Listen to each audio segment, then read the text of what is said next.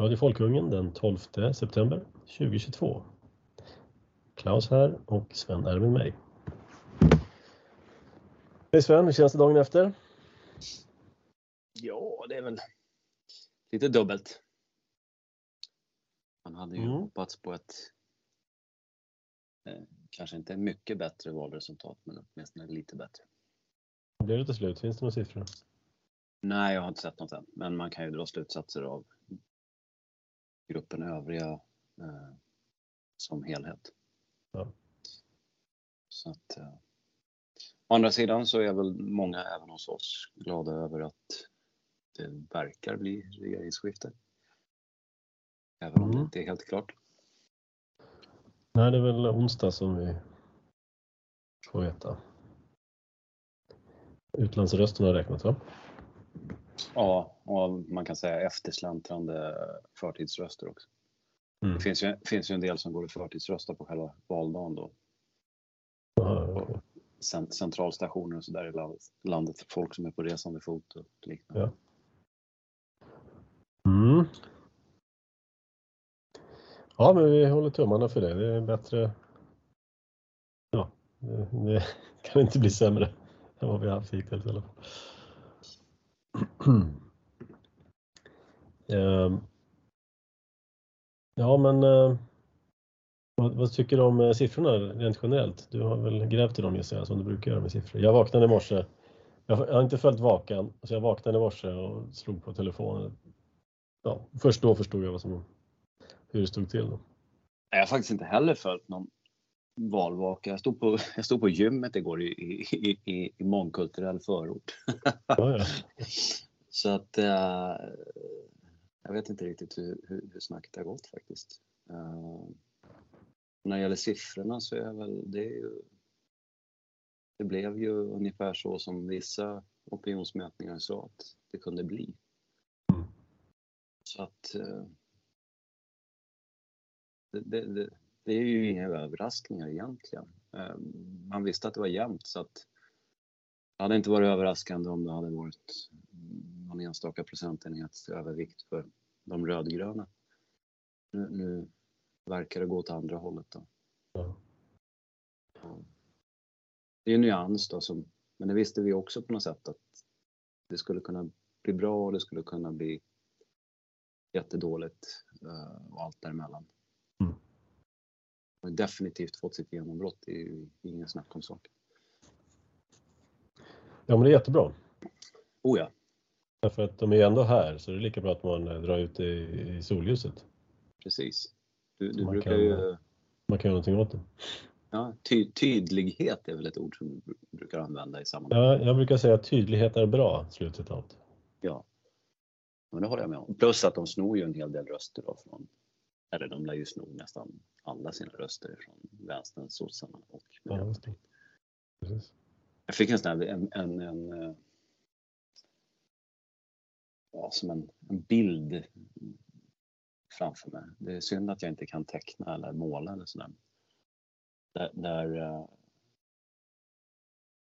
sossarna eh, framställs som en bro över Öresund då. Och så, så ser man liksom nyansmänniskorna gå över den här bron in i Sverige. Och så står de och sågar på brofästet.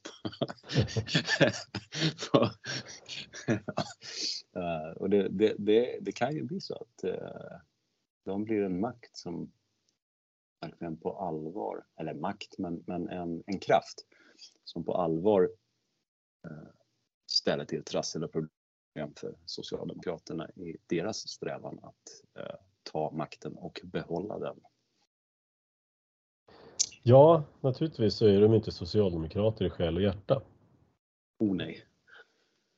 Utan de är opportunister. Det är det som gynnar dem. Ja men så är det ju. Och det, är det, det, det där är ju en villfarelse att, att eh, hos, hos, ja, hos socialdemokrater och liberaler och annat att människor som är kritiska mot den förda invandringspolitiken de, de liksom tror att det är invandrarna som vi vill åt. Men vi har ju inget problem. Alltså, invandrare i Sverige som agerar utifrån egenintresse det är ju helt meningslöst att kritisera dem. Eh, de, de gör ju inte fel något rimligt sätt att se det liksom. Utan eh, det är politikerna som har agerat för att det ska bli så här. Det är, det är de som har gjort fel. Att, eh... Ja, de, de som gör fel det är också svenskar som inte agerar i egen intresse. Ja visst, ja men så är det ju. Den här stora likgiltiga massan, det är ju... Så kunde man ställa den inför rätta, höll jag på att säga, då skulle det vara prioriterat. Ja. det, det, är fruktansvärt. Och framförallt tycker jag när, när det är när det är äldre människor därför att unga människor är alltid på något sätt ursäktade, till och med de här nosringsförsedda eh, tjejerna med lila hår och, förvirrat uppträdande som står och skriker på torgmöten då istället för att ha egna torgmöten där de saluför sin politik. Till och med de är på sätt och vis ursäktade därför att de är liksom lurade in i det här, de förstår inte bättre. Eh, men de som har haft många decennier på sig att, att vakna upp och som kanske också har gjort det men som av någon slags psykologiska skäl väljer att köra hela vägen in i isberget. För att det andra alternativet det är, för, det är för svårt och jobbigt och besvärligt att bära. Att man har bidragit till att det har blivit så här. Att, att, eh, att man var med liksom och, och, och, och bär skuld till det som har skett. De människorna har jag otroligt svårt för. Alltså. Ja.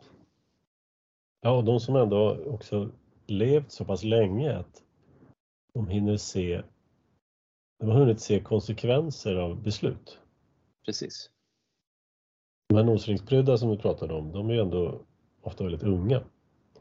Och fulla av ungdomlig entusiasm så röstar de på att såga av den gren de sitter på. Därför att de har ännu inte sett att till slut så ramlar man ner från trädet om man gör så.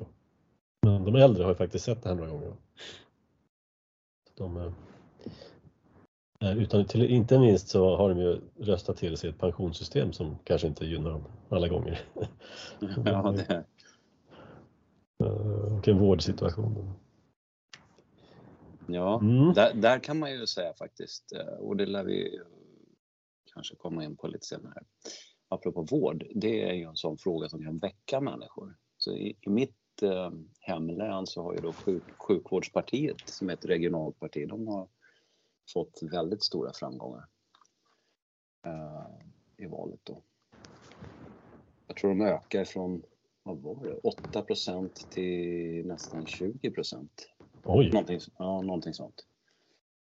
Uh, så att uh, det finns... Uh... Där kan man snacka om enfrågeparti. Ja, det, pass, det passar ju bra i, i, i, just i regionen. För det är ju en, nästan en enfrågekonstruktion i sig. Ja, just det. Det skulle vara kollektivtrafikpartiet också man skulle konkurrera med dem. ja, precis. Alltså det här med regioner då. Ehm, det är lite intressant för att folk brukar säga att vi avskaffar dem där för de är så värdelösa. Ehm, och det kan jag ju hålla med om. Men frågan är ju vad man då tänker ersätta dem med. Men det har jag ett svar på. Ja. För att, och det är faktiskt någonting som finns i bruk. Ehm, kollektivtrafiken i Västernorrland det sköts i ett kommunförbund som det heter. Ja. Och det en, vad ska jag säga, en juridisk mm. konstruktion som ja, den borde finnas i kommunallagen.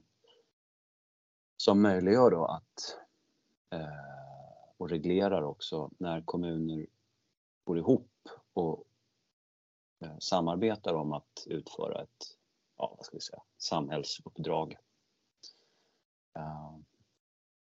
Och, och jag tycker det visar att om man organiserar Sverige i enheter då och så för diskussionens skull så bryr vi oss inte om storleken på dem så, så visar det att sådana enheter kan alltid gå ihop och lösa vissa specifika uppgifter tillsammans.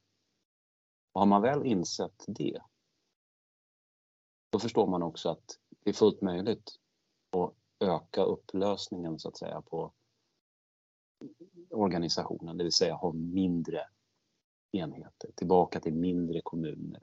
Allra helst, eh, som du brukar prata om, socknar. Eh, mm. eftersom, det, eftersom det inte finns idag är det svårt att välja ett namn på det.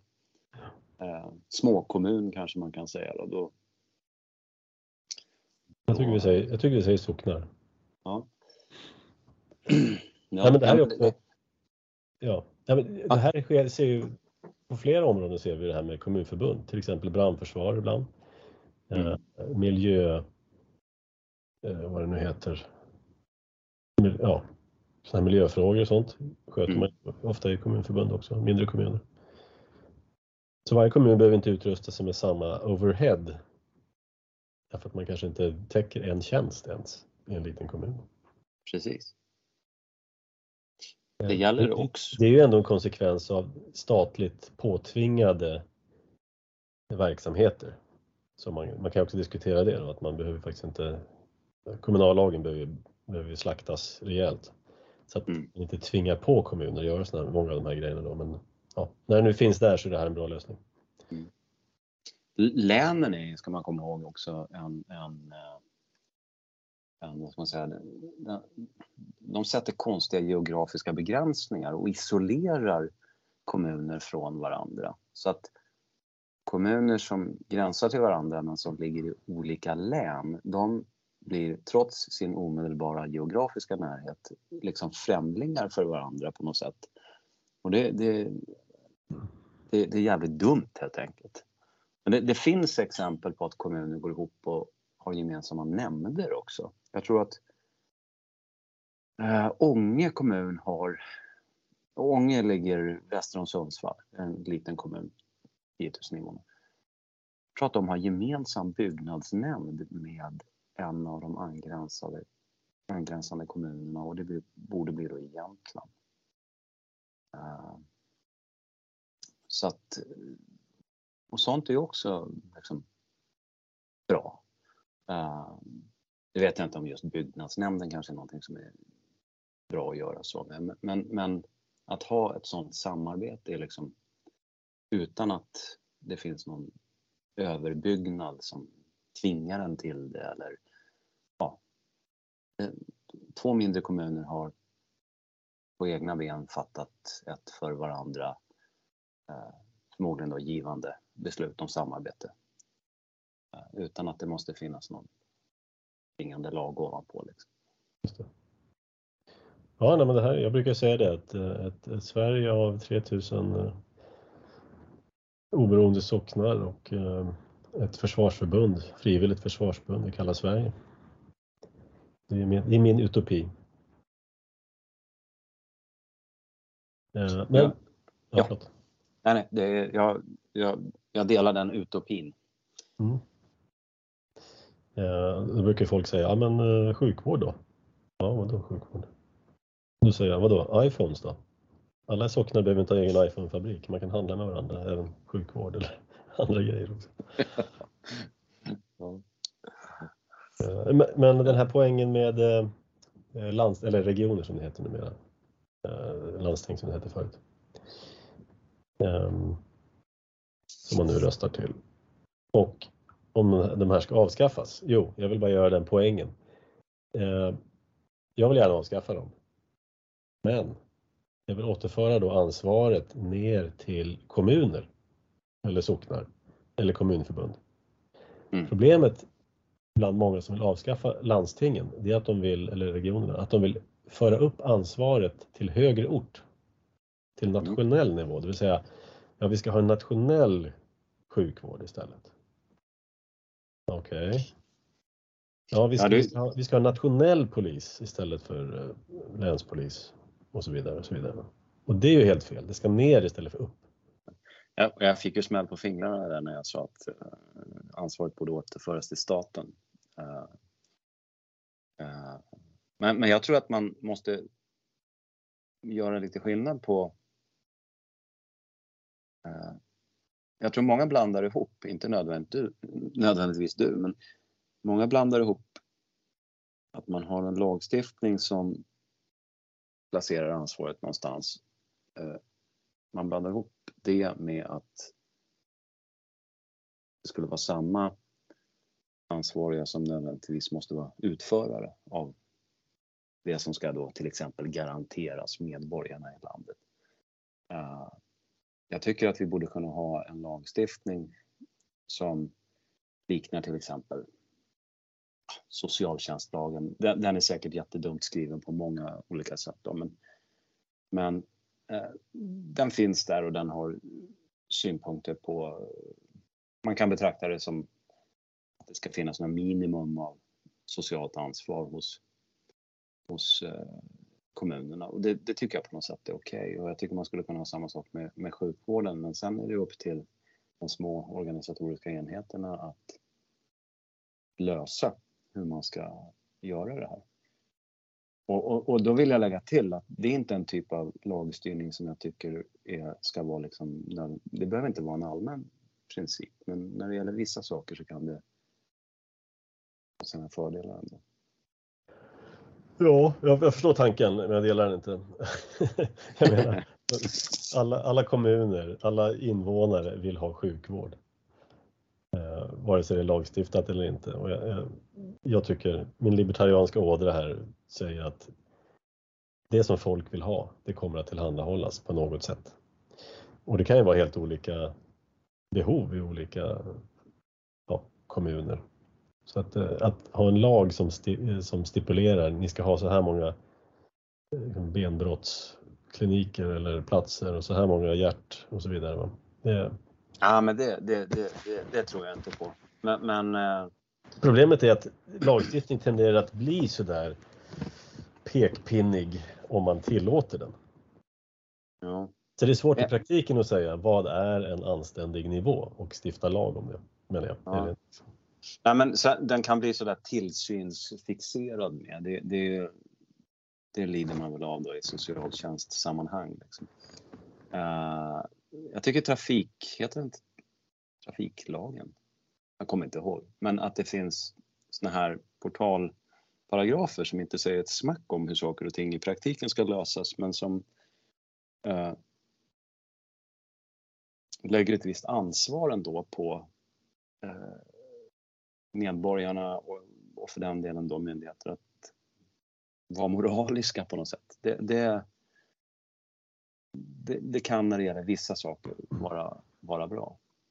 Lite värdegrund helt enkelt, från oben. Ja, men alltså värde, det finns ju liksom en bra värdegrund i Bibeln och sådär också så att konceptet kanske inte är helt fel. Det är den moderna avarten som har gått vilse på något sätt och försöker ersätta uh, Ja, jag vet inte. Det, det, nu spårade du på en gång. Ja, det är bra. det är roligast. Men du, vi skulle ju prata lite grann om eh, lite valsystem här va? Ja, bland annat var väl tanken det. Mm. Uh, hårt, du har tänkt? Ja, ja, jag har tänkt. Jag har ju redan skrivit och det ligger uppe på, på Folkungen. Så att, uh, det här valet uh, tror jag kommer skapa en rätt viktig diskussion om vad vi har för valsystem därför att det har varit oerhört mycket trassel på, på valdagen och även under förtidsröstningen. Eh, och det här är någonting som förmodligen inte kommer presenteras i mainstream media i, i den omfattning som det förtjänar. Då. Men, eh, ansvariga politiker kommer att eh, betrakta de här problemen och fundera och så även då den centrala valmyndigheten. Och, eh, ja, men aldrig har vi väl haft köer som vi har haft eh, nej. i år? Va? Nej, och det, det, är väldigt enkelt. Det är så här att, att uh, 2018 så hade OSSE valobservatörer i Sverige. På initiativ av Ryssland tror jag det var. Jag för mig det. Och eh, det var ju någon slags tillbakakaka då naturligtvis för att Sverige eh, hade synpunkter på Ryssland naturligtvis. Ehm, ja, det är Putins fel, man kan göra alltså? det är Putin-köer. Ja. det, det ska alla förstå. Uh, ja, men, uh, och, och, när, och, när man säger att OSSE ha, hade valobservatörer här, då, då är det alltså så trivialt som att de hade två personer på plats i Sverige. Och och det handlar inte om någon djupare eh, observation och granskning av, av, av det svenska valsystemet. Va? Eh, det finns inte ens en officiell översättning av den svenska vallagen till engelska. Så att eh, när det kommer utländska observatörer till Sverige så, så, så kan de på sin höjd ta del av en inofficiell översättning som härstammar från 2001. Nej, förlåt, 2021. Eh, och ja, men de har ju ögon att se med va? så att eh, de kritiserade omedelbart eh, vissa saker då. Bland annat att man plockar valsedlarna öppet eh, inför öppen ridå i Sverige. Och det ledde ju till att en utredning lade fram ett lagförslag om att man skulle skärma valsedelsställen tvingande för eh, valnämnderna då. Varje kommun har en valnämnd. Det är valnämnden som beslutar hur valsedlarna ska presenteras. Då. Ska de stå i bokstavsordning? Ska Eh, riksdagspartierna stå för sig och de övriga för sig och så vidare. Så det är alltså inte harmonierat. Och det var en annan kritik som OSSE framförde, att det svenska valsystemet är alltså inte harmonierat. Det vill säga, eh, Svenne Banan ute i stugorna, de tror att i Sverige går man till val på under samma villkor oberoende av var i landet man bor. Men det är fel. Så är det inte. Ehm, och man, man, man, är, man som parti så arbetar man inte på samma villkor eh, oberoende av i vilken kommun man är verksam. Eh, och då blev det skärmade valsedlar. Det här eh, implementerades och användes första gången i EU-valet 2019. Men då är det inte samma valdeltagande och inte samma tryck liksom. Så att eh, där märkte man väl inte av något större problem. Men, eh, och förmodligen så skulle jag tro då att man kontrollerade inte valsedlarna lika mycket. Eh, men det jo, skulle man göra nu då på grund av eh, eh ja, man är orolig för sabotage och problem och så vidare. Och det här har ju då gjort att det har tagit en djävulsk tid i vissa, i många vallokaler, framförallt i stora valdistrikt i de större städerna alla stora eh, nyhetstidningar, eh, DN, Svenskan, Sydsvenskan, GP, de har ju skrivit om det här. Eh, och på vissa ställen så pågick ju fortfarande, fanns det fortfarande folk, två timmar efter stängning då klockan åtta så fanns det fortfarande folk som stod och köade för att rösta. Jag tror till och med att de första valdistrikten hann alltså rapporteras in till Valmyndigheten och presenteras på Valmyndighetens hemsida. Samtidigt som det fortfarande fanns folk som röstade.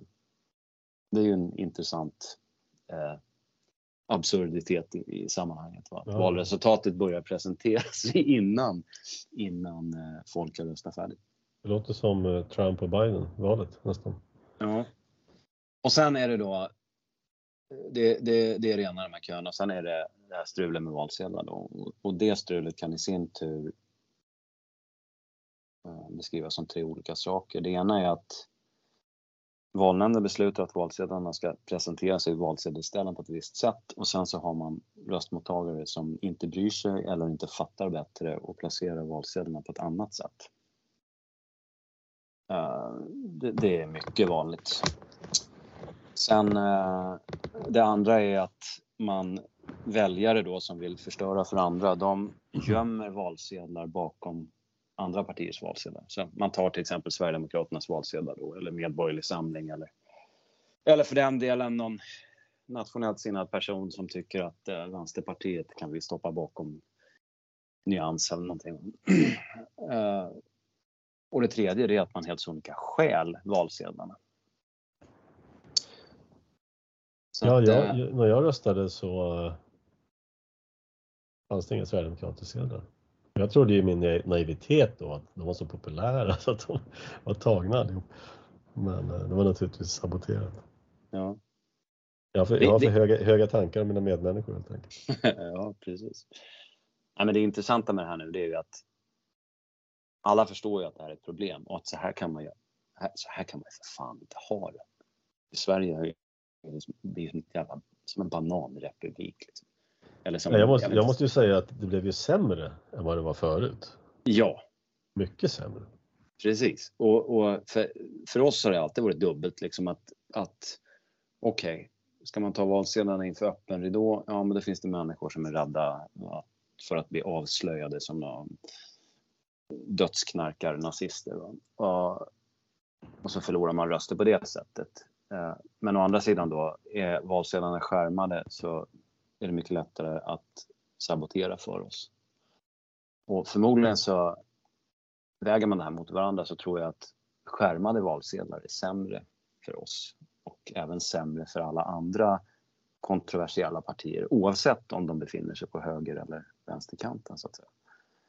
Eh, men det är ju helt omöjligt för det politiska etablissemanget att föra tillbaka det här systemet till det som var innan OSSE levererade sin kritik. Det, det, liksom, det går inte. Om OSSE kritiserar det svenska valsystemet och utifrån utgångspunkten att valhemligheten är inte säkerställd så kan inte Sverige ändra och sen gå tillbaka till det. Utan, och det är ju inte ett alternativ att upprepa valet 2026 med eh, de här köerna. Och då, så då är frågan hur fan ska man lösa det här? Och, eh, ja, ett skulle vara att försöka forcera, dub, dubblera antalet röstmottagare och ha tre gånger så många ställ med valsedlar på varje ställe och så vidare. Men, men, men det är inte lätt. Alltså. Det är svårt på många håll att rekrytera röstmottagare redan idag. Att, att dubbla antalet skulle vara riktigt besvärligt. Så att jag tror att det här valet det är början på en press, ett, ett tryck mot det här idiotiska valsystemet som, som inte finns någon annanstans i världen. Det finns inget annat land i världen som röstar på det här vansinniga sättet som vi gör. Och ändå så finns det då förmodligen en bra bit över 7 miljoner röstberättigade människor i Sverige som tror att det här är det mest självklara sättet att rösta på och vi är så demokratiska och fina och det här är så bra på alla sätt och vis. Det, det, det är faktiskt eh, det, det, det, är riktig ankdammsvarning, alltså Nordkorea-varning på eh, liksom, de här psykologiska inlåsningseffekterna eh, där man tror att man är världens medelpunkt på något sätt. Ja, nu är ju inte jag förespråkare av att folk ska kunna rösta om mitt liv och sådär. Ehm, men jag gillar ju att ifrågasätta sådana här självklara grejer som eh, valsystemet. Så att jag tycker att val, röstandet ska vara öppet. Ehm, jag skrev en text nu på Folkungen också. Ehm, jag gillar att vända på saker och ting. Varför, varför ska det vara så? Jag menar, om man har en åsikt, om, om, du har, om du har ambitionen att påverka mitt liv, ja, då ska du minsann stå för den åsikten. Mm. Du ska kunna argumentera för den, du ska kunna bli kritiserad för den. Uh, men tänk dig i Grekland hur de stod där på torget och debatterade och uh, röstade. Jag tror inte det var anonymt, jag tror att uh, man fick liksom stå för sin röst. Nej, men, jag, jag behandlar ju valhemligheten som ett axiom, det vill säga inte något Uh, när jag pratar om valhemligheten för mig, då är det ju inom ramarna för det man liksom bara har bestämt är moraliskt rätt. Ja, ja. Nej, jag förstår. Uh, ja, jag förespråkar det inte, men du, vi utgår ifrån att axiomatiskt, så här ska det vara. Okej, okay. ja, ja, precis. det ska vara så, vad gör vi? Ja. Uh, nej, jag tycker ja, det, det är ju en helt absurd att, att människor går runt och anser sig ska ha rätten att i hemlighet formulera ett inflytande över andra människor. Vad, vad, vad i helvete ska det föreställa? Egentligen, va? när man, man liksom går, går, går till botten med det. Uh, det är helt vrickat. Och, och tar vi det till sin förlängning, då skulle man alltså kunna sitta i riksdagen och rösta i hemlighet. Ja! Alltså, förstår du hur absurt det skulle vara? Ja. Så i ena fallet så tycker vi det ska vara anonymt, i andra fallet ska det inte vara anonymt. Då. Ja, det, är, det, är, det är mycket märkligt. Och om, om jag anställer någon då vill jag kunna se, har han röstat för vindkraft till exempel? Ja, men det här, är, det här är en mycket opolitlig människa, det kan inte jag anställa. En människa utan konsekvenstänk och sådär. Det går inte. Eller ja, om man ska anställa någon polis eller någonting. Kommunist till exempel kan man inte mm. ha i sådana befattningar. Ja, apropå det. Jag brukar göra, jag gillar att göra jämförelser med föreningslivet. Därför att föreningslivet är, oavsett hur eventuellt då, hur, hur töntigt eller fjantigt vissa människor kan uppfatta allt ifrån en, vad vet jag, en, en syjuntaförening till, till, eh, till någon sån här miljömupsförening. Så är det lik förbaskat en typ av mänsklig organisering som sker helt på så att säga egen grund. Man skapar sina egna lagar om man så vill, va? stadgarna i föreningen. Och sen så sköter man det här utan att det finns en stat eller en kommun som ska liksom inte ens garantera någonting. Ja, men det här är en del av eh, en central del av svensk kultur också, föreningslivet. Så det ska man ja. inte, det ska ja, inte skratta åt. Ja. Men eller vad man då... sa, Mona Sahlin, föreningsliv och sådana töntiga grejer eller någonting sånt. Eller var det midsommar? Jag kommer inte ihåg. Ja, det, var, det var nog midsommar och små jorden tror jag. Mm. Då var det bättre med bergsturkar och gud vet allt vad de drog in i det där sammanhanget. Ja. Nej, men om man då jämför med föreningslivet när man fattar beslut där då. Så där kan man ju uh, på årsmöten och så vidare uh, fatta beslut med acklamation. Det vill säga Eh, kan, kan årsstämman fatta beslut i enlighet med ordförandens förslag. Och så säger alla ja, eller så säger alla nej, eller så säger vissa ja och vissa nej. Och beroende på... Eh, och då, då brukar ju mötesordföranden tolka de här, så att säga, svarsropen i ena eller andra riktningen. Och sen eh, är det inte helt ovanligt om det finns både ja och nej så brukar ju alltid de som, Eh, när ordföranden säger då, eh, då ser jag att stämman har fattat beslut i enlighet med ordförandens förslag och då är det någon som ropar votering ja, och då blir det då. Då blir det röstning med, med, med lappar och, och så vidare. Uh, men det, det, det, intressanta med det där det är ju att den, den där röstningen där valhemlighet då råder, den föregås av det här ropa ja eller nej. Ja. ja. Och om då alla, äh, jag vågar inte ropa nej. För då, då röjer jag min, min vad heter det, åsikt här inför de andra. Ja, men då vinner ju jag. Mm. om, alla säger, om alla som vill säga nej är tysta, då vinner jag. Och på något sätt och vis så känns det som att då förtjänar de att förlora. Ja, visst. Ja. Kan man inte stå för sin åsikt eller argumentera för den, då ska man hålla käft egentligen. Om man Precis. inte att ta konsekvenserna. Men det, jag tror bolagsstämmor kan man göra så också, acklamation. Um, om det inte är allt för stora, stora företag. En annan sak med öppen röstning, det är att det är egentligen det enda sättet att garantera att det inte är något fusk. Om alla kan se listan hur alla har röstat, då kan jag verifiera min röst och jag kan själv beräkna summan då. Mm. Um, annars kan man egentligen aldrig garantera något, någon hundraprocentig ofusk.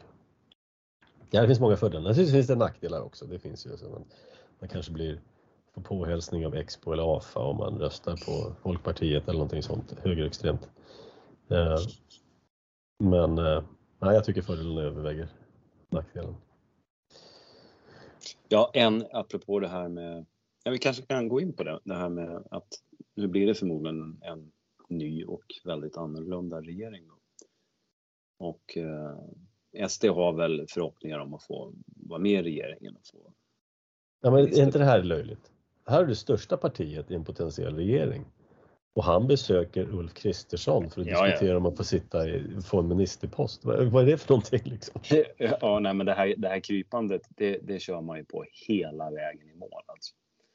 Ja, så har de ingen självförtroende i det där partiet? Har alltså, de, de har ju, ja, men de här, de här männen, de har varit med så länge så att de är nog de står nog ut med liksom vad som helst. De har ju lyckats liksom. Det, det, det, det kan ju ingen ta ifrån dem. De, de, har, ju, de har ju nått uppsatta mål och, och, och verkligen blivit ett stort parti.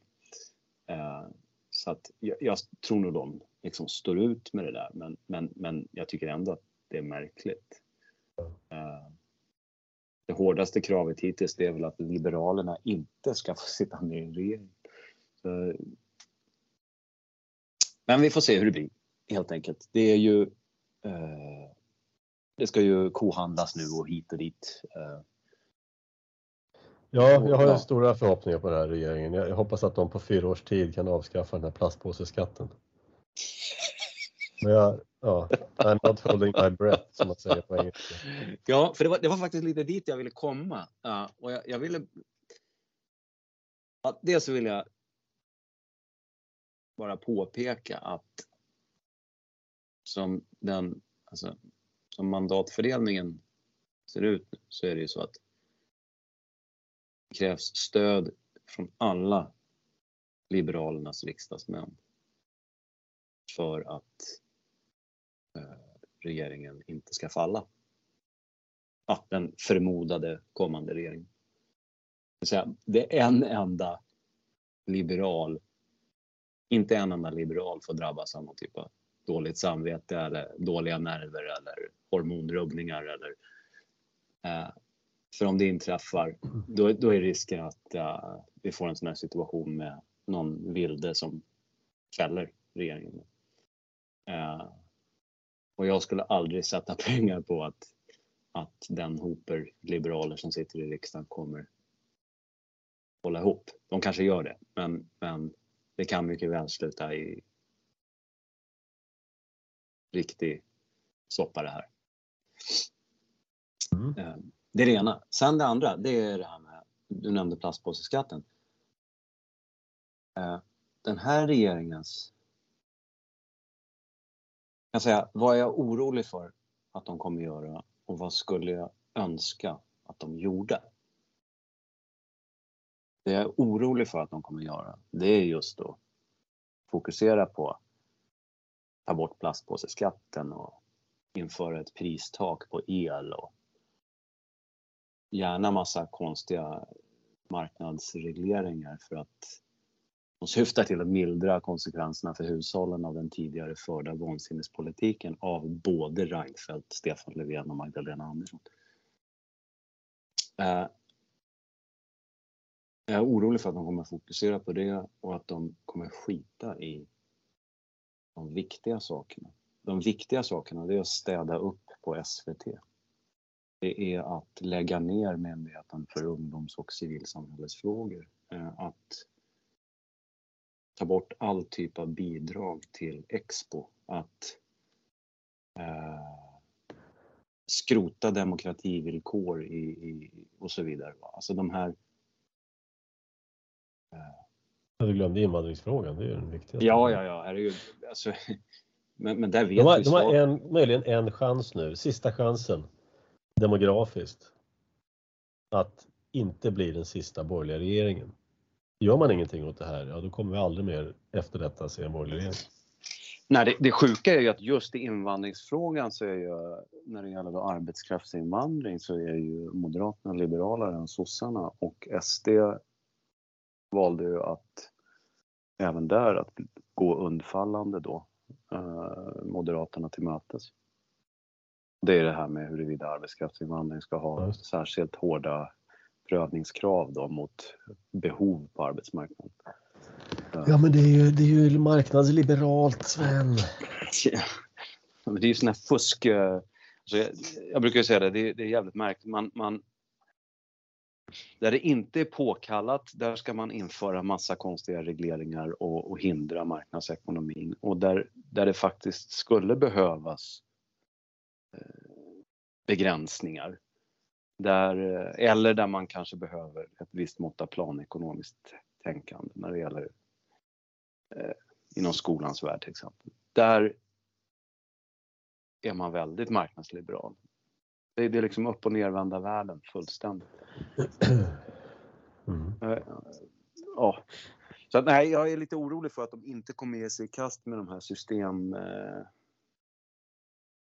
felen så att säga och de här alla de här institutionerna och lagarna som, hela, som syftar till att reproducera ett vänsternarrativ och som syftar till att finansiera de människorna som sen sprider det här narrativet. Ja, man får hoppas att de är så pass långsiktiga i sitt tänkande att de begriper sådana här elementära saker, men jag vet inte. Nej, jag, jag, jag tror inte det. Och jag tror att, jag tror att man brukar säga att makt korrumperar, men, men eh, den ekonomiska välgång som makten medför, den förslappar också. Och jävligt mycket. Så att eh, man blir liksom extremt snabbt likgiltig inför och, och, och eh, mister liksom arbetsviljan på något sätt när, när, när det flyger in stekta sparvar i munnen hela tiden. Det, det är jävligt oroväckande. Mm. Det, inte, det känns inte liksom som att det är idealism som driver hela det här, om man säger så. Eh. Eh, Jag såg en intressant eh, sak här som dök upp i flödet. Skolvalen. Har du sett statistiken därifrån eller? Mm, nej, det enda jag såg det här med att unga människor, nu kommer jag inte ihåg hur det definierades, men de var 60 procent tror jag hade röstat på högerblocket. Precis. Det är väldigt intressant tycker jag. Ja, det är för mig, det är inte intuitivt för mig kan jag Nej, inte alls. Jag tror att alla var gre- gretarianer. Ja. skolungdomarna. Och alla hade en afghan som sin bästa kompis och sådär. Ehm, Men det kanske inte är så helt enkelt. De kanske har märkt konsekvenserna av eh, vansinnet. Ja, kanske, och de, kanske finns hopp om ungdomen. ja, och de har ju inte... Jag menar, min generation, jag är född 75, eh, har ju en slags, ska man säga, Sverigedemokraterna är ju liksom ett besvärligt parti för många därför att de drar sig till minnes någon slags eh, slutet på 80-talet och, och början på 90-talet eh, när, när det liksom var en helt annan tid på något sätt. Det fanns, det var sån, vad ska man säga, det, fann, det fanns de som då var sansade och kritiska och förstod var vi skulle hamna om man lät det här invandringsnarrativet ta över. Men det fanns också de som bara var liksom, vad ska jag säga, vulgära i sin kritik. Och alla hamnade ju på något sätt i samma konkurs. Eh, Och jag själv var ju inte vaken på något sätt och vis eh, på den tiden så att eh, även jag har ju eh, ja, jag, jag, förstår på något sätt, eh, eller jag vet vilken bakgrund de har som idag envist säger att Sverigedemokraterna är nazister och så vidare. Eh, Jag tror mig förstå varför det har blivit så och varför det sitter så psykologiskt djupt liksom. Ja. Men det, det är ju med, Ja. Ja, men det är människor som inte, de som har fastnat i den retoriken, det är ju människor som är i grund och botten genuint opraktiska människor. För, för de kan inte göra skillnad på, de betraktar liksom livet och samhället som en teori, inte som något konkret och verkligt som det går att ta på utan de, de kan liksom inte ta till sig det här hur, hur Sverige har förvandlats till något allt sämre. Eh, utan de, de, de, de liksom hakar upp sig på kosmetiska saker samtidigt som människor skjuts ihjäl på löpande band. De upprörs över att eh, någon, någon, någon aktiv sverigedemokrat sa någonting 1992 liksom. Ja. Eh, medans och den här, en, en liten flicka kan bli, få halsen avskuren i Skellefteå, våldtagen och alltihopa liksom. Och, och, och det bara rinner av dem. Ja, han, han var skinhead då vet du. Ja, precis. Och 18 år gammal. Precis. Men det är ett ganska intressant fenomen det där hur människor, man, musiksmaken hos en människa den fastnar ju på något sätt ja, i det som man lyssnade på innan man var 20 ungefär. Ja. Men jag tror att många åsikter gör det också. Här är ett sådant exempel. Ett annat exempel, annat exempel som har slagit mig många gånger är det här med NATO. Ja. När de växte upp så var NATO det var liksom, ja, frihetens fanbärare, trodde man ju då. Um, de kan inte se att den, om vi, om vi utgår från den naiva tron att det var en god organisation då, så kan man inte modifiera den uppfattningen trots bevis, evidens från nutid att det här är idag en helt annan typ av organisation. Eh, man kan inte uppdatera sin uppfattning om det här. Och det är lite grann samma med eh, Ryssland. Nu är det en känslig fråga här men många tror att det fortfarande är Sovjetunionen vi har att göra med. Um, så det, det, är väldigt svårt för många tydligen att uppdatera sin, eh, sin uppfattning om sådana här saker. Ja, men, det... men ungdomarna, poängen här är ju att skolungdomarna idag inte har den laddningen i det här som uh, vår generation kanske har. Nej, de, de ser, för dem är ju det här eh, en, en, om man säger en 16-åring idag har ju inga minnen av någonting annat än att Sverigedemokraterna har funnits i offentligheten. Ja. Och uh, betraktar därför inte det partiet som något nytt. Utan som något som finns, så att säga. Just det. Uh, och, och, och de agerar därefter då, liksom i sitt vidare tänkande. Så. För att komma tillbaka till det med valsystem, avsluta den, det resonemanget. Vad borde vi ha istället? Om vi nu ska ja, ja, det, precis. Ja, det, det, det, är ju det här som är så, eh, så, så sjukt. Eh, jag tror att, nu kommer jag inte ihåg vad hon heter, men hon är väl aktiv i Medborgerlig Samling. Eh, ja, hon är ett av de högsta namnen där i Medborgerlig Samling. Hon skrev någonting på Twitter i stil med att eh, det finns ju liksom, det behöver inte vara så här. Det finns ju exempel att, att gå på i världen. Eh, det vill säga med det, i, i analogi med det jag sa tidigare, vi behöver inte vara den där ankdammen som tror att vi har uppfunnit det bästa runda hjulet i världen. Uh, vi kan helt enkelt titta på vad andra länder gör och det förhärskande sättet att gå till val på det är med en parti gemensam valsedel. Uh, jag själv tycker ju att man ska ha en valsedel där man har alla partierna med rutor som man kan kryssa för dem. Man kryssar för ett parti. Sen så har man en, någonstans på den där har man en, liten, en annan liten ruta då, eller lite större ruta där man kan skriva dels ett, ett listnummer och dels ett kandidatnummer. Då. Och det här med listnummer det är bara ifall partierna har flera olika listor då som de hänvisar till. Uh, men de som inte kan siffror och sånt, vad gör de med dem? De måste, också, för, de måste också få rösta.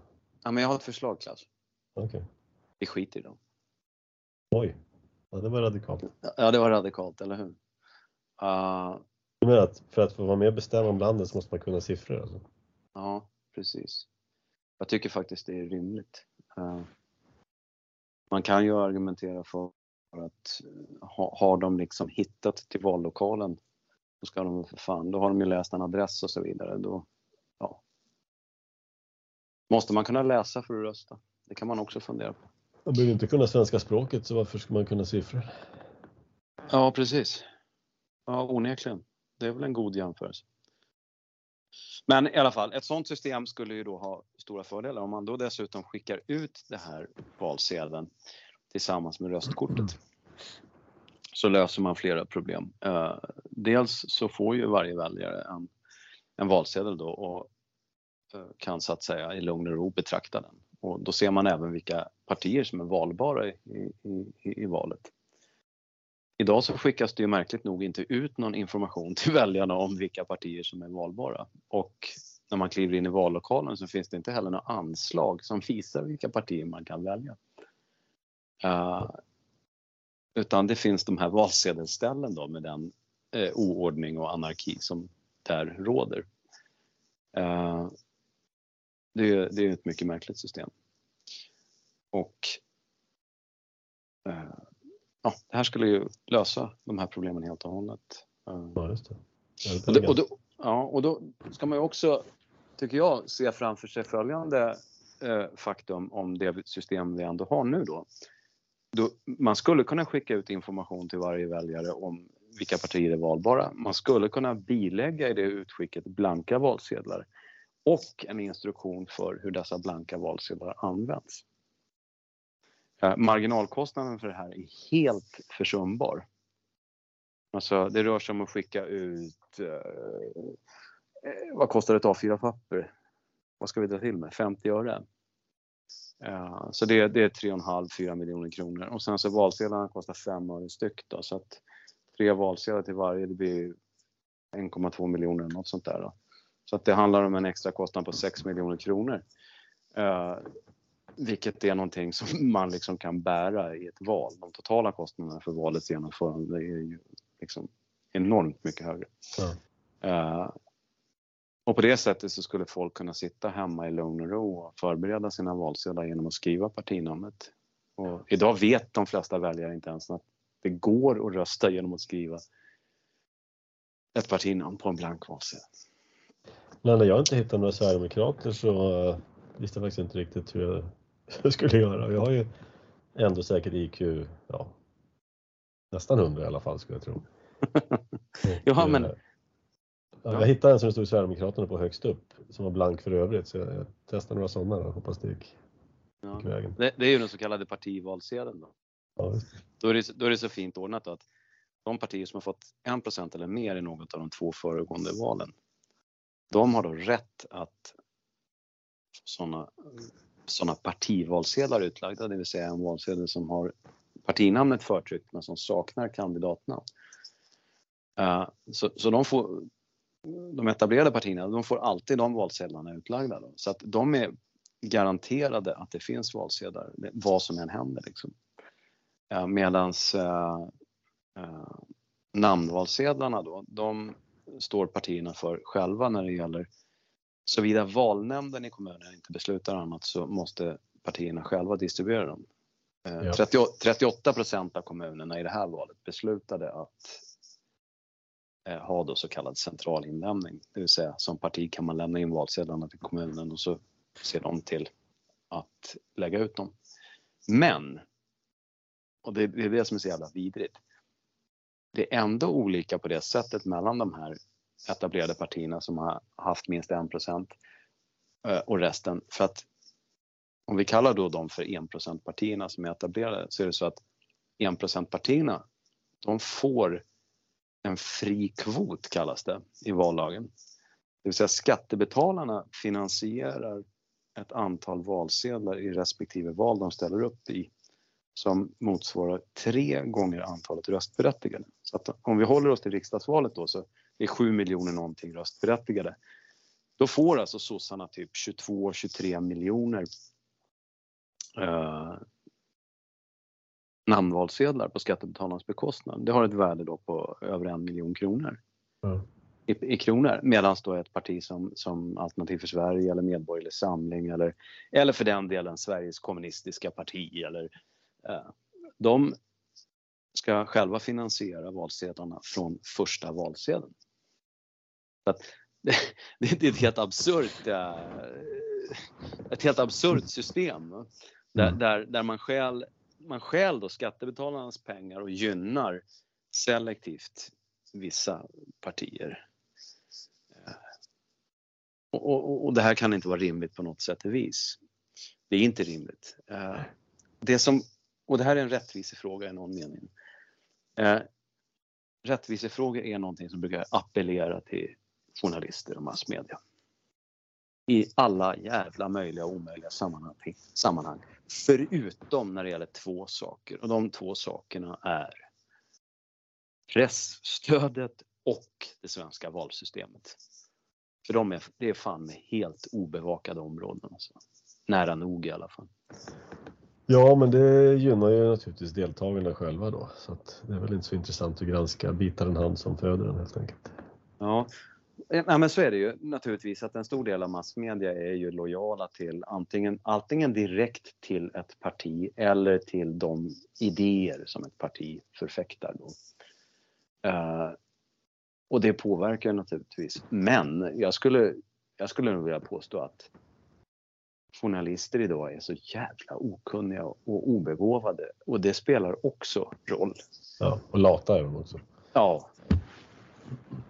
Så att, uh, och apropå det, nu kommer vi faktiskt, då kan vi halka in här på en annan grej som, som jag tycker är helt, uh, ja, det är för jävligt helt enkelt och det är märkligt att det inte blir mer uppståndelse. Det har varit några få artiklar i, i, i fri media.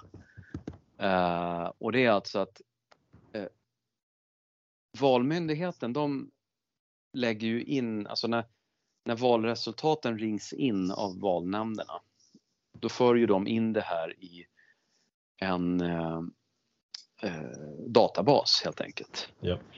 Eh, och då, jag tror att det helt enkelt är en CSV-fil. Alltså i princip på Excel-form då. Eh, och den här datan, den har de valt att selektivt tillgängliggöra då för bara viss media eller alltså, ja, man, man, man inte säljer, de tillgängliggör den här eh, datan men bara för viss media. Så att, och Bonnier är ju då en av dessa då. Så att jag kunde i min lokaltidning Örnsköldsviks Allehanda så kunde jag i morse då titta på fin grafik. Eh, och så tänkte jag, fan han de få in det här då? Men sen så kom jag ihåg att just det, Just det, Valmyndigheten skulle bara göra det tillgängligt för viss media. Så de har ju då, man kan se det som att de har en lina liksom eh, rakt in i, i Valmyndighetens databas och kan tanka ner där i takt med att, eh, ja, att det räknas och så vidare. Va? Eh, vad kan du och jag se och, och Samnytt och Morgonposten och annan fri media då? Jo, vi, vi kan bara gå in och välja då ett, ett, eh, ett val, riksdagsvalet eller kommunvalet. Så väljer vi ett län, en kommun, i förekommande fall en valkrets och sen ett valdistrikt. Och så kan vi då se. Eh, och vi kan även se då ett eh, sammanställt resultat för länet eller för kommunen. Men vi kan inte få upp någon lista Nej. på där vi kan till exempel få upp alla valdistrikt i hela landet och sen välja ut liksom okej, okay, vilket valdistrikt fick till exempel Sverigedemokraterna högst procent i. Uh, och det här är ju en nyhet, alltså den här datan, det finns ju nyheter att upptäcka i den datan. Ja, och, och, och Bonnier och annan media då, vad livnär de sig på? Jo, producera nyheter. Så jag tänkte faktiskt, eh, jag tänkte faktiskt anmäla det här till Konkurrensverket av alla. Det, man får liksom... Uh... Men liksom, hur motiverar man det här? Men, varför inte bara slänga upp filerna så alla kommer åt dem? Men vi har ja, ju ändå precis. Den här, den, jag tror den heter World Wide Web. Där man kan lägga upp filer och sånt där som folk kan ladda ner. Liksom. Ska man vara konspiratorisk på det politiska spåret då och, och se det här som en politisk påverkansopinion. Jag, jag tar på mig foliehatten här för nu låter det otäckt. Men okej, kör. Ja, jag gör det. Beam me up Scotty. Uh,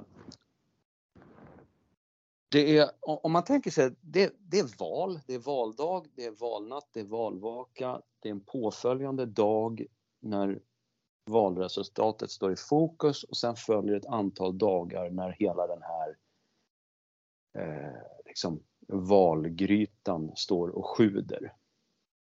Och under den här tiden så händer väldigt mycket i folks huvuden. De exponeras för förändringar och nya omständigheter. Och det finns då som sagt väldigt mycket data att presentera. Och dels så vill man upprätthålla mainstream-medias makt och inflytande på mediemarknaden. Då. De ska fortsätta att framstå som de som minsann kan leverera när det gäller. Det är klart man kan göra det när man får rena konkurrensfördelar ifrån en myndighet. Mm. Uh, det är det ena. Det andra är att då kan man också påverka människor när de befinner sig i det här tillståndet. Sen kommer ju människors efterfrågan på nyheter på det här området att snabbt mattas av. Skulle man till exempel nu gå ut med nyheter om de här allra mest framgångsrika SD-distrikten så skulle ju SDs framgångar se ännu större ut. Jag menar, eh, jag har redan hittat distrikt där SD har fått eh, över 36 procent av rösterna. Det betyder, och jag har bara tittat på, gjort några smarta gissningar och kollat. Eh, det betyder att det finns distrikt, det kanske finns distrikt där de har fått över 50 procent. Och det vill man inte sprida ut då. Ja, så, att, så att det, det, är den konspiratoriska förklaringen och jag tror inte att den ligger långt ifrån verkligheten. sen, ja, sen kan, ja. Ja, nej, men sen kan man ju diskutera alltid om det är konspirationer, om de är så överenskomna så att säga, eller om det är någon slags Precis som att det finns medveten censur och självcensur så finns det någon slags medvetna konspirationer respektive självorganiserande konspirationer. Så att säga. Ja, precis. Nej, men det här går inte att motivera objektivt på något vettigt sätt. Absolut inte. En demokrati, tycker jag. Där börjar, där börjar informationen vara fritt tillgänglig. Återigen samma grej, man borde kunna, alla, borde, alla bör kunna kontrollräkna hemma på sin kammare. Och här, kan, här kanske vi kan flika in det här valets vackraste resultat som jag nämnde innan vi började. Ja, låt höra. Du är ju okunnig i vad, vilket det är, för jag har inte avslöjat det för det. Uh, och det är den värmländska kommunen Hagfors.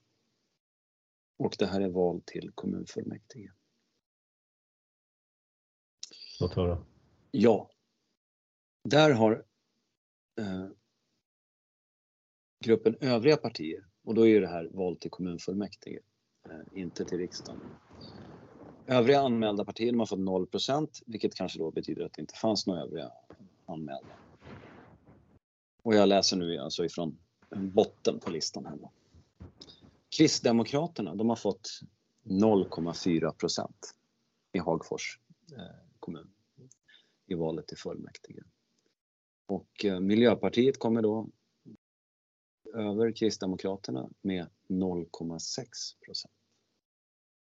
Bara det gör att jag får lite tårögd. ja, eller hur? Eh, sen har vi Liberalerna på 1,1 procent. Och jag skulle tro att det råder 2% spärr i Hagfors. I, I kommunsverige så finns det 2 respektive 3 spärr då. Det brukar vara de större kommunerna som har 3 spärr. Moderaterna kommer, de seglar förbi Liberalernas 1,1 procent och gör ett starkt resultat med 2,5 procent. och får se sig besegrade av Vänsterpartiet på 3,3 procent. Och till glädje då för, för uh, uh, Centerpartiet så lyckades de faktiskt klå Vänsterpartiets 3,3 procent. För Centerpartiet fick 3,7 procent. Och eh, Sverigedemokraterna, de var så duktiga så att de blev nästan dubbelt så stora som Centerpartiet, för de fick 7,2 procent. Och nu börjar nog folk som lyssnar på det här och förstå att fan, det här, går det här ihop? Det ska ju liksom bli 100 summan. hur, hur, liksom, hur fan kan det här komma sig? Jo, då kommer sossarna på 39 procent. Och sen kommer då det här underbara lokala partiet som heter Oberoende Realister. Och de ökar då. De ställer upp i valet första gången 2018. Och då fick de jag bara få fram det. Då fick de 36,5 procent. Och nu ökar de till 42,1 procent. Oberoende realister i Hagfors. Det är, sven det är svenska politiska hjältar. De där måste vi få tag i. Och snacka lite med. De har alltså varit verksamma i en mandatperiod. Startades ja. av en, eh, jag tror av en polis och en journalist faktiskt. Det, var en, det är en polis i alla fall som, han tror jag har varit kommunalråd i Hagfors den här mandatperioden. Och uppenbarligen så har så pass många varit nöjda så att de då ökar med 4 procentenheter. Ja. Det är fantastiskt. Där måste vi gräva lite i. Där kan det finnas något att lära sig. Ja, absolut. Örebropartiet ökade ju med såg jag, även om de är mycket mindre än de här oberoende realisterna. Men, uh, Så jag tror och hoppas att det finns en sån trend. Jo, jag noterade också att i Malungsälen, då påminner jag om att det var där man hade en folkomröstning om vindkraft på Ripfjället. Eh, där väljarna sa nej och politikerna sa det skiter vi När man då ska exploatera Ripfjället i strid med den rådgivande folkomröstning som man höll.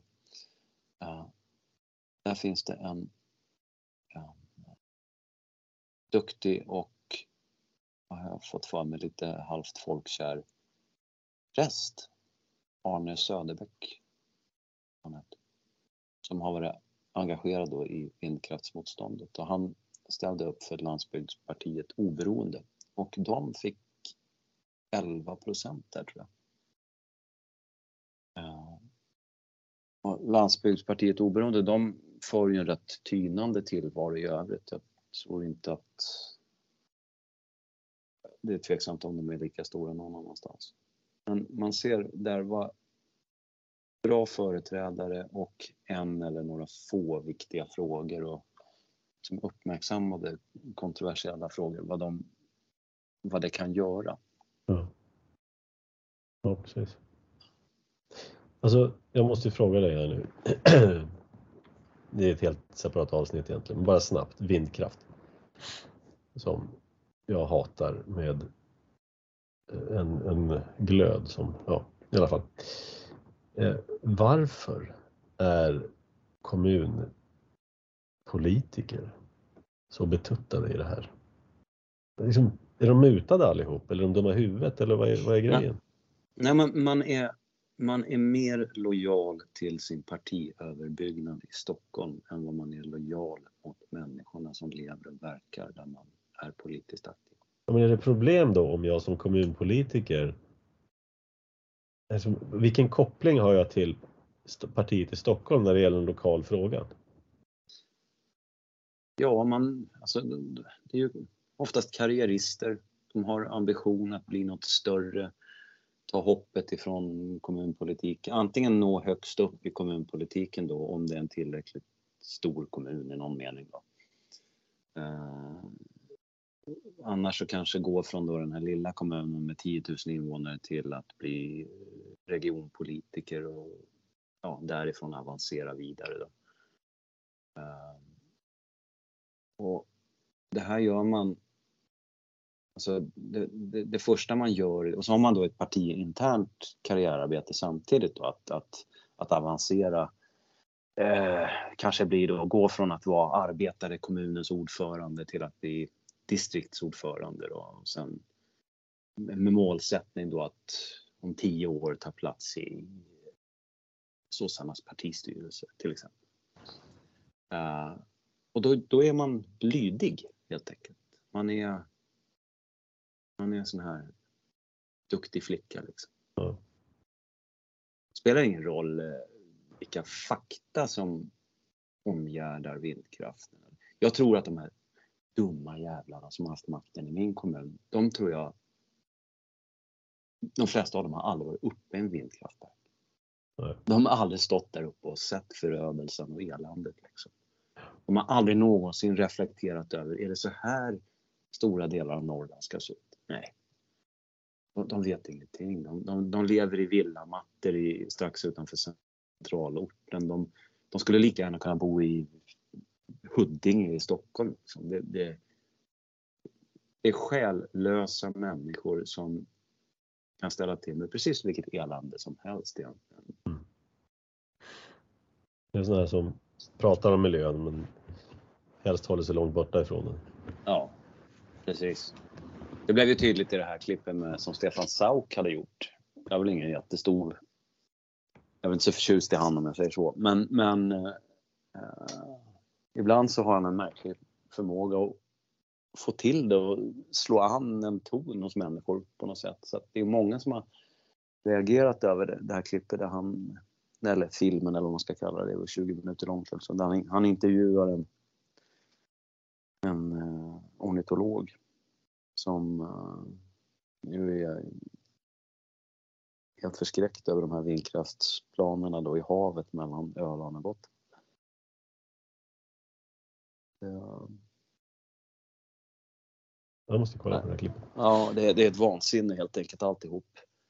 Ja, Öland där har vi ju Ölands södra udde, där har vi ju Ottenbylund, det stora fågelcentret där.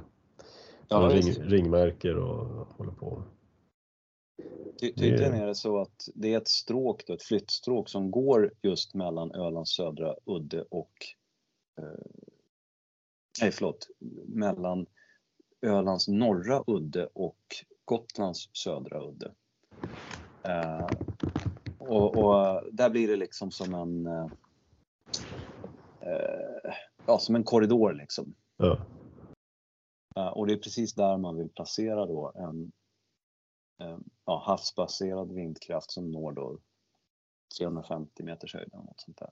De säger, de säger 400 meter i den där filmen men jag jag är lite osäker på om det stämmer, men det spelar ingen roll. Det, det är väldigt höga saker i alla fall och uh, ja, där kommer de stå. Det är extremt höga. Jag som ja, inte flyger, då får man ju passa sig. Normalt sett är det bara att flyga över, men 350 ja. meter, det är inte att leka med. Jag skulle alltså, vilja, jag, jag har efterlyst uh, jag skulle vilja, om det, om det är någon som lyssnar på det här och har fallenhet för sånt, så det är brist på drönarfilm eh, från vindkraftparker. För det är det som bäst visar hur galet stora grejer det här är. Mm. Och alla går med förlust? Ja.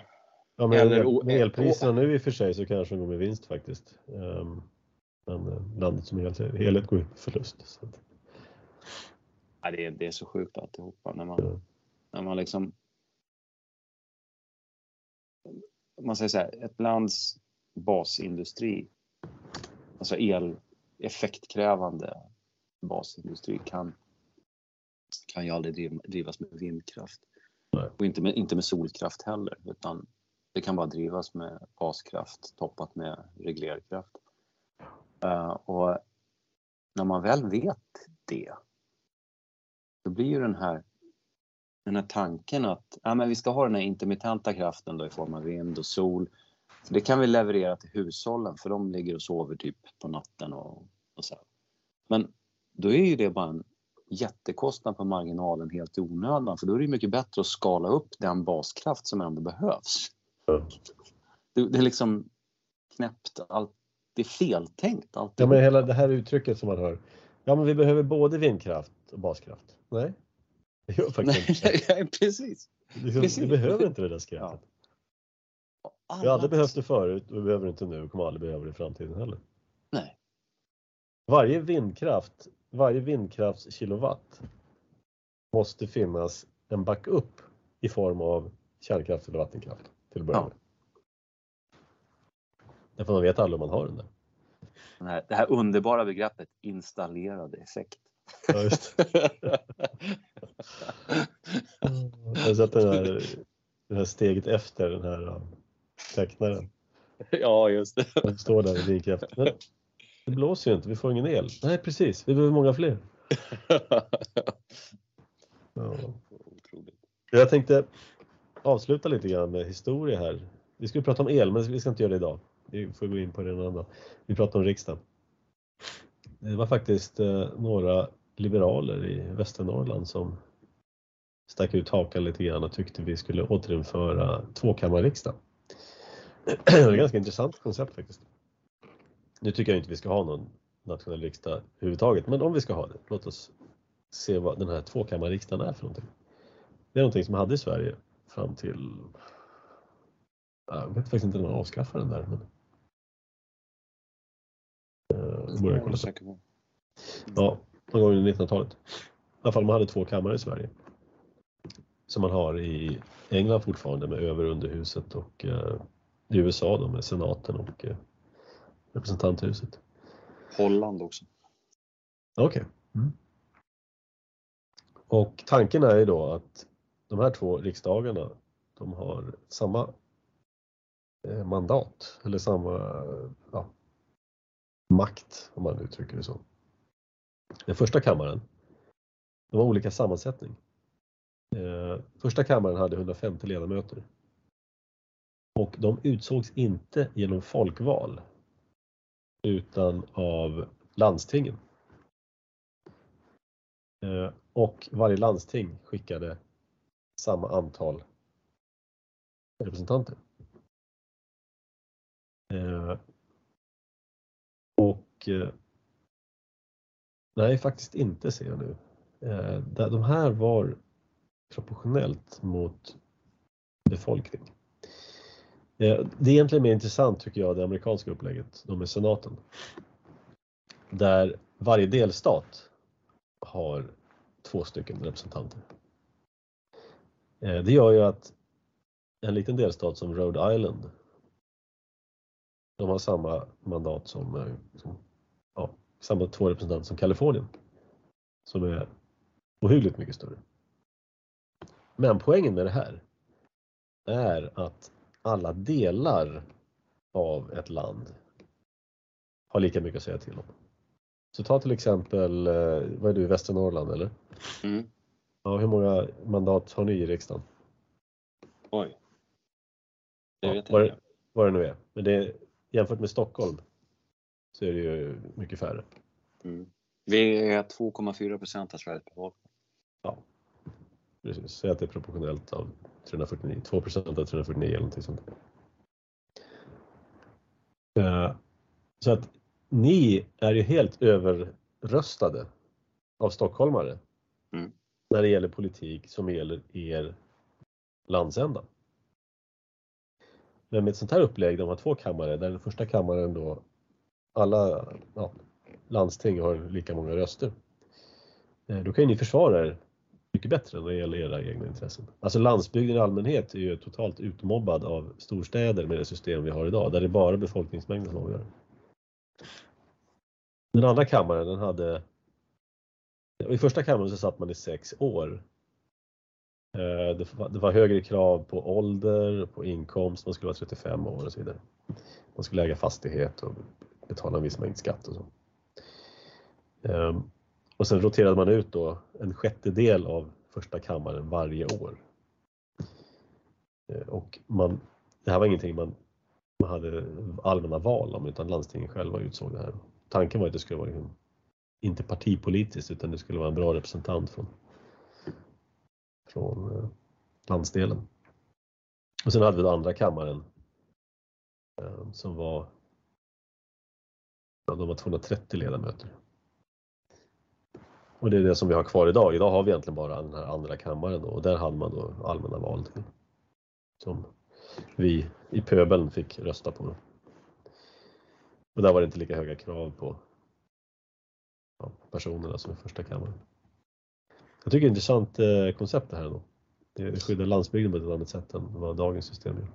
Jo, även om, även om de här i de här som inte är direktvalda då av folket, även om de är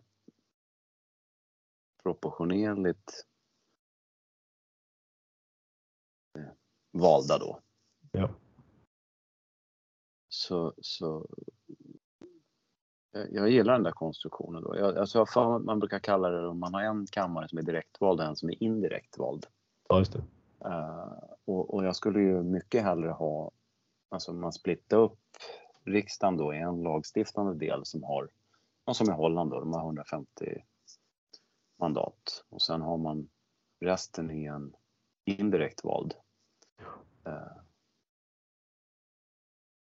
så att, eh, för man, man, det här med att det skulle vara så jävla fint med proportionerliga val. Alltså, jag kollar här nu. Eh, EU-parlamentet verkar ha 751 mandat. 751 parlamentariker.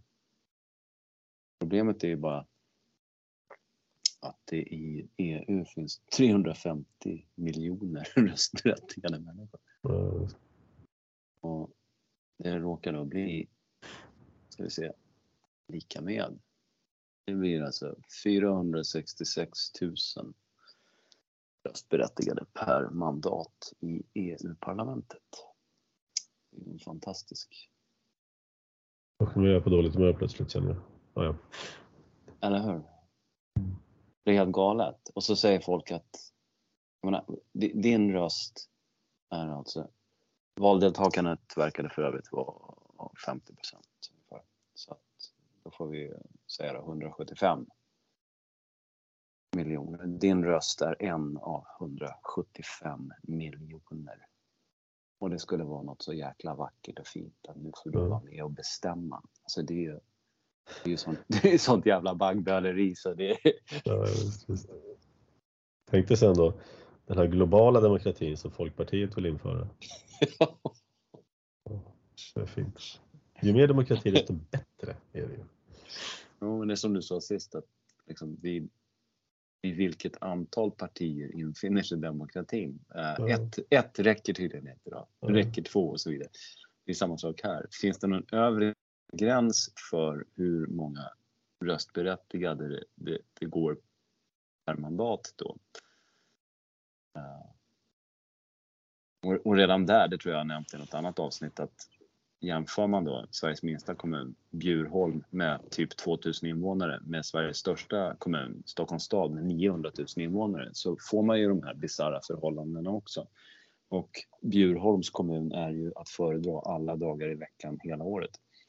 Uh, som, som konstruktion. Mm. Stockholm, Stockholms stad är en anomali liksom i, i demokratiskt avseende. Och, ja, det, jag skulle säga att det är en per, perversion. Ja, den, den genomsnittliga liksom, invånaren i Stockholm har ju ingen aning, fattar ju ingenting av det här. Nej. Och inte för att, alltså, de är fostrade liksom in i det. De flesta människor de ifrågasätter aldrig. De är likgiltiga. Island är liksom ett helt land med 350 000 invånare med, en unik, med ett unikt språk och, och, en historia och liksom en hel kultur. Och, och de är bara drygt uh, en tredjedel av, av Stockholms stad. Mm. Ja. Stycka upp alltihopa. Det får bli den positiva avslutningen. Jajamän. Stycka upp. Sprid för vinden höll jag på att säga. Nej, men stycka upp och befria. ja, och försäkra mot framtida försök till maktkoncentration och korruption. Ja, jag brukar ju säga det i privata sammanhang.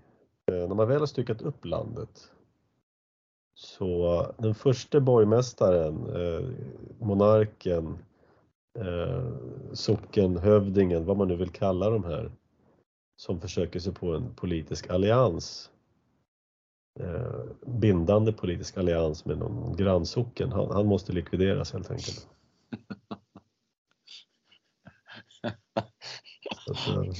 Federalister undanbedes. Ja, precis. Ja, men det var väl positivt, tycker jag. Ja. Eh, ja, och därmed... Vi, hade vi, får återko- nej, vi får återkomma till elen då. Ja, vi måste ta elfrågan här också sen, men det tar vi nästa gång. Tackar för ikväll. Tack själv.